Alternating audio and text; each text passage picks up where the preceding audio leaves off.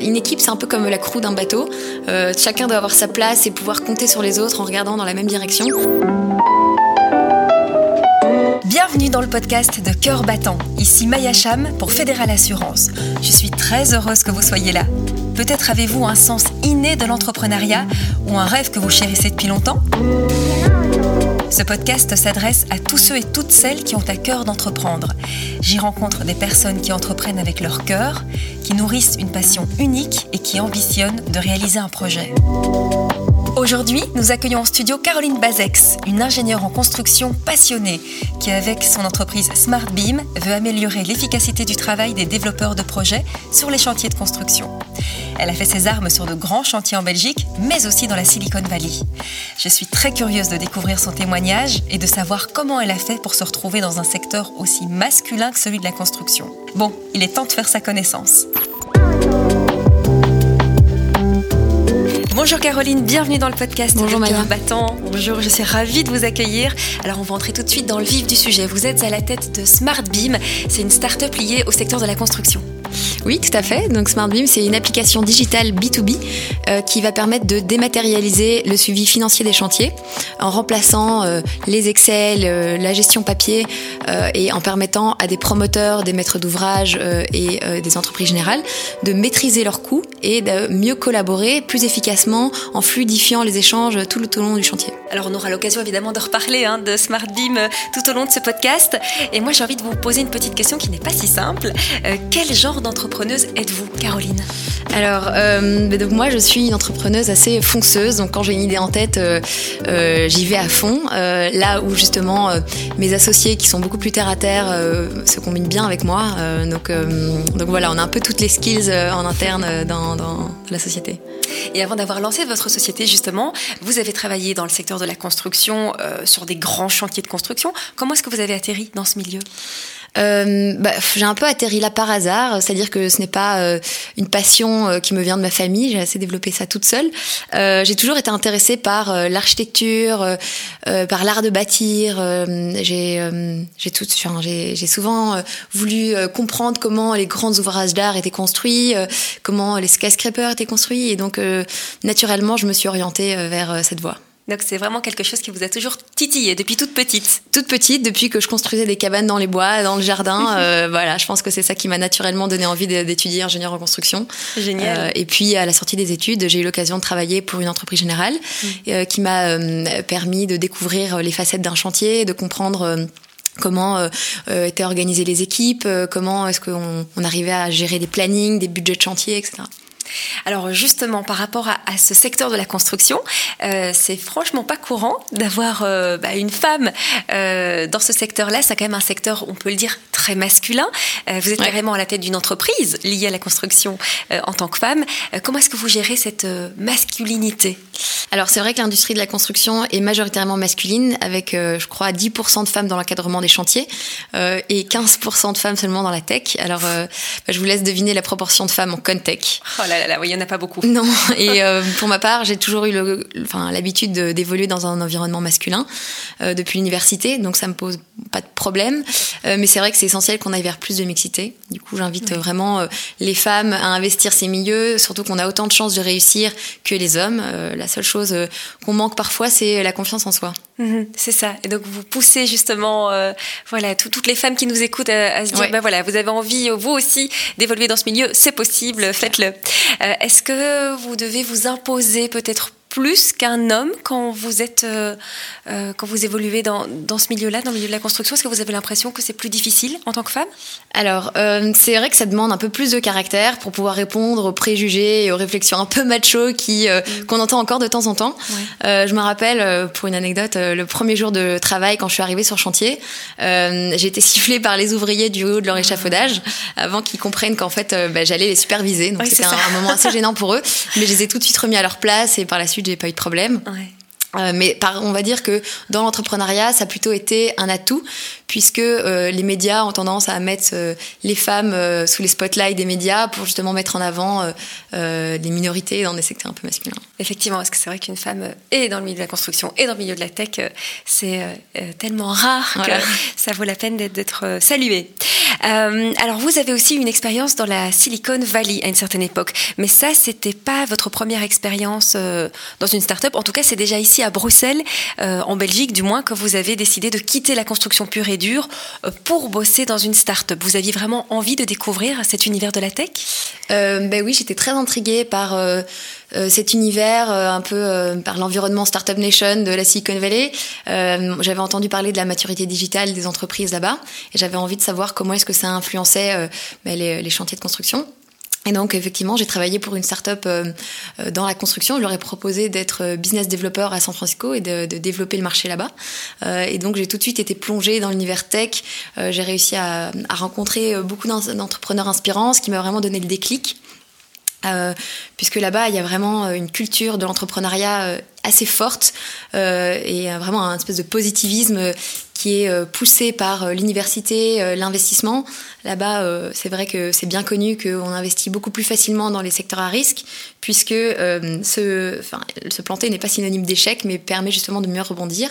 Euh, alors qu'en Europe, on a plus des comportements de bons pères de famille, ce qui fait qu'on réfléchit à deux fois avant d'investir ou avant de lancer sa propre entreprise, ou même en tant qu'entreprise avant de disrupter tous ces process. Est-ce qu'on peut dire que ça a vraiment façonné votre vision de l'entrepreneuriat, du coup, ce séjour là-bas, cette expérience professionnelle là-bas? Euh, oui, euh, parce que je pense qu'effectivement, je n'aurais pas eu ce déclic euh, si j'étais restée en Belgique. Lancer ma boîte, c'est quelque chose que je trouvais, euh, j'étais très impressionnée par les gens qui le faisaient. Euh, je savais pas si j'avais vraiment ça en moi. Et euh, le fait d'être euh, inondée de positivisme comme ça aux États-Unis, ça a vraiment fait que je me suis sentie capable de le faire. Et en règle générale, vous conseilleriez une expérience à l'étranger pour les entrepreneurs ou les futurs entrepreneurs? Oui, alors c'est pas nécessaire, mais clairement il y a un aspect positif qui est l'ouverture d'esprit, mmh. parce que ça nous permet de prendre conscience des différences et de voir en fait ce qui fonctionne mieux à l'étranger. Par exemple, enfin si on ne voyage pas euh, on peut avoir tendance à penser que notre mode de vie, nos normes sont globales. Donc on va se dire, bah, pourquoi est-ce qu'on devrait changer? Parce qu'en fait, ça fonctionne comme ça partout. Euh, alors que dès qu'on change de prisme, on réalise que certaines cultures apportent euh, des visions différentes et valorisent aussi différemment certains comportements ou même certains parcours. C'est ça, donc c'est vraiment euh, une question de permettre d'élargir un peu euh, nos horizons et notre esprit. Alors de retour en Belgique, vous, vous avez créé la société SmartBeam. Euh, C'était il y a maintenant trois ans. Euh, Expliquez-nous comment ça s'est passé euh, et comment vous avez démarré cette aventure. Alors bah, après avoir vu de mes propres yeux les chantiers complètement digitalisés à San Francisco et l'impact que ça pouvait avoir sur la vitesse de construction, sur la collaboration entre les équipes, je me suis donné pour mission de répliquer ce modèle en Belgique avec la preuve que ça pouvait marcher. Bon, évidemment, ça s'est pas fait en un claquement de doigts, parce qu'il a fallu d'abord euh, ben, aller à la rencontre du marché, comprendre euh, quelles étaient les spécificités, les besoins du secteur, et imaginer des solutions pour y répondre. et puis, il a fallu constituer une équipe. Alors, j'ai eu la chance de rencontrer mes associés Florent et Vincent, euh, qui ont rejoint le projet en 2018. Florent, lui, il a vécu une expérience assez similaire euh, que la mienne en tant que gérant d'une entreprise de construction familiale. Euh, il a tout plaqué pour rejoindre le projet. Ah oui, quand même Ouais, ouais. Waouh et, et, Vincent, lui, notre CTO, il a travaillé comme développeur pour une banque et pour une start-up aussi en construction. D'accord. SmartBeam. Enfin, pardon, à Proplan. et donc, il, il a tout de suite été convaincu de la nécessité de digitaliser les chantiers. C'est ça. Et donc, fatalement, vous aviez euh, le même regard euh, sur, euh, sur ce qu'il fallait faire et, la nécessité d'apporter un peu de tech à cet univers de la construction. en quoi est-ce que SmartBeam se distingue de la concurrence? Ben, Nos principaux concurrents sont aux États-Unis. Euh, on a aussi des concurrents en France, enfin en Europe, euh, mais il s'agit surtout de solutions desktop euh, un peu old-fashion, on va dire, euh, et parfois dépassées technologiquement, qui constituent euh, plus un poids qu'un soulagement pour les équipes. SmartBeam, c'est une solution qui va être innovante, qui a été vraiment façonnée par l'expérience du terrain et qui se veut user-friendly et collaborative. Donc notre proposition de valeur unique, c'est qu'on va à la fois répondre aux besoins euh, des entreprises de construction et des promoteurs pour leur permettre de collaborer euh, efficacement au sein d'un même environnement. Et ensuite, ben, on propose un vrai accompagnement euh, des entreprises dans leur démarche de digitalisation, parce qu'évidemment, changer les mentalités, ça, ça ne fait pas en appuyant sur un bouton. C'est ce que j'allais dire. Est-ce qu'il y a beaucoup de, pas de lobbying, mais du moins euh, de contacts, de relations, d'explications que vous devez avoir avec tous les acteurs euh, du secteur de la construction? Euh, mais donc on met un, un gros effort dans l'onboarding des, des utilisateurs. On va euh, on va aller vraiment les aider à comprendre euh, pourquoi ils ont besoin de Smart Beam, comment euh, comment faire pour utiliser euh, cette application au jour le jour, comment entraîner avec eux les, les équipes. Oui. mais ça se fait assez facilement en fait. il n'y a pas besoin de formation. En fait, les, les, utilisateurs sont très indépendants. On a des tutoriels, des vidéos, et puis en allez, en quelques minutes, ils savent comment comment utiliser l'application. Donc ils sont très très indépendants. Et vous avez, j'imagine, des bons retours de ceux qui ont franchi le cap et, qui ont décidé d'utiliser SmartBeam. Oui, oui, parce qu'on va vraiment être très attentif euh, aux retours. C'est comme ça qu'on fait évoluer l'application euh, euh, en continu. C'est grâce aux utilisateurs, grâce à leur feedback. Et on essaie vraiment de co-créer cette application avec eux en fonction de, leurs besoins de, de ce qu'ils ont besoin comme fonctionnalité au jour le jour. Alors, vous avez déjà parlé de vos deux associés. par rapport à votre équipe, vous avez aussi des employés chez SmartBeam. J'imagine que c'est un important effectivement de, travailler en équipe. Oui, oui, c'est très important. Effectivement, on a, euh, on est trois associés, on a aussi des, euh, des personnes qui sont plutôt sur la partie développement et euh, la partie commerciale. mais une équipe, c'est un peu comme la crew d'un bateau. chacun doit avoir sa place et pouvoir compter sur les autres en regardant dans la même direction. mais on dit souvent que euh, qu'une start-up, euh, ce n'est rien par rapport à, à l'idée de base. Tout ce qui mène au succès euh, ou au non-succès, en fait, c'est l'exécution et donc l'équipe. C'est ça, donc c'est vraiment la pierre angulaire finalement de votre activité. Est-ce que vous vous êtes fait conseiller par des professionnels pour le bon fonctionnement de votre activité? Alors euh, oui, on, s'est fait, ben, on se fait déjà aider par notre board euh, régulièrement, qui comprend des entrepreneurs expérimentés, à la fois dans le software euh, et en même temps dans la construction. Je peux par exemple citer Thomas Goubeau, qui est l'ancien CEO d'Aproplan, maintenant qui s'appelle Let's Build. je vais aussi chercher beaucoup de conseils chez d'autres entrepreneurs de start-up qui, comme moi, sont passés par les mêmes étapes, ont eu, ont, eu les mêmes problèmes, et donc c'est les meilleurs conseils que je puisse, que je puisse avoir. Ouais, c'est ça, des gens du métier, quoi, finalement aussi. Euh, alors, entreprendre, euh, c'est forcément s'exposer à des échecs, à des obstacles. J'imagine que vous avez rencontré des, des difficultés euh, dans votre parcours et que vous avez réussi à, les surmonter puisque vous êtes là. Alors, j'aimerais que vous partagiez cette expérience avec nous. Ben oui, donc évidemment, la construction, c'est un métier qui est très passionnant, mais aussi à la fois archaïque. donc, il y a une, une résistance au qui est assez importante, même si les mentalités sont en train de changer. On voit que maintenant, les, entreprises, même les équipes chantiers sont vraiment demandeurs de nouvelles solutions pour leur faciliter la vie. Euh, et donc euh, voilà, il y a un vrai élan, euh, une, vraie maturité digitale qui commence à exister sur les chantiers.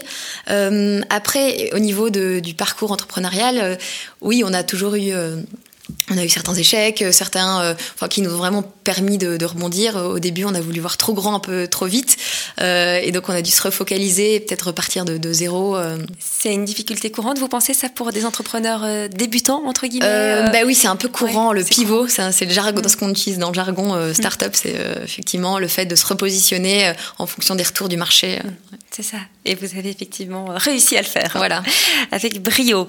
Est-ce que vous êtes du genre à prendre des risques. Vous parliez hein, de votre expérience aussi euh, aux États-Unis, hein, qui vous a, euh, qui a changé la façon dont vous avez considéré le risque. Donc, est-ce que vous êtes d'autant plus prête à prendre des risques dans votre activité? Alors oui, il y a évidemment euh, toujours, on est toujours confronté à des risques, hein, que ce soit pour engager une personne, créer des partenariats, ouvrir un marché.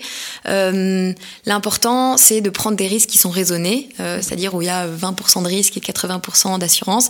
c'est le risque 50-50 en fait qui finit mal, ah qu'on essaie d'éviter.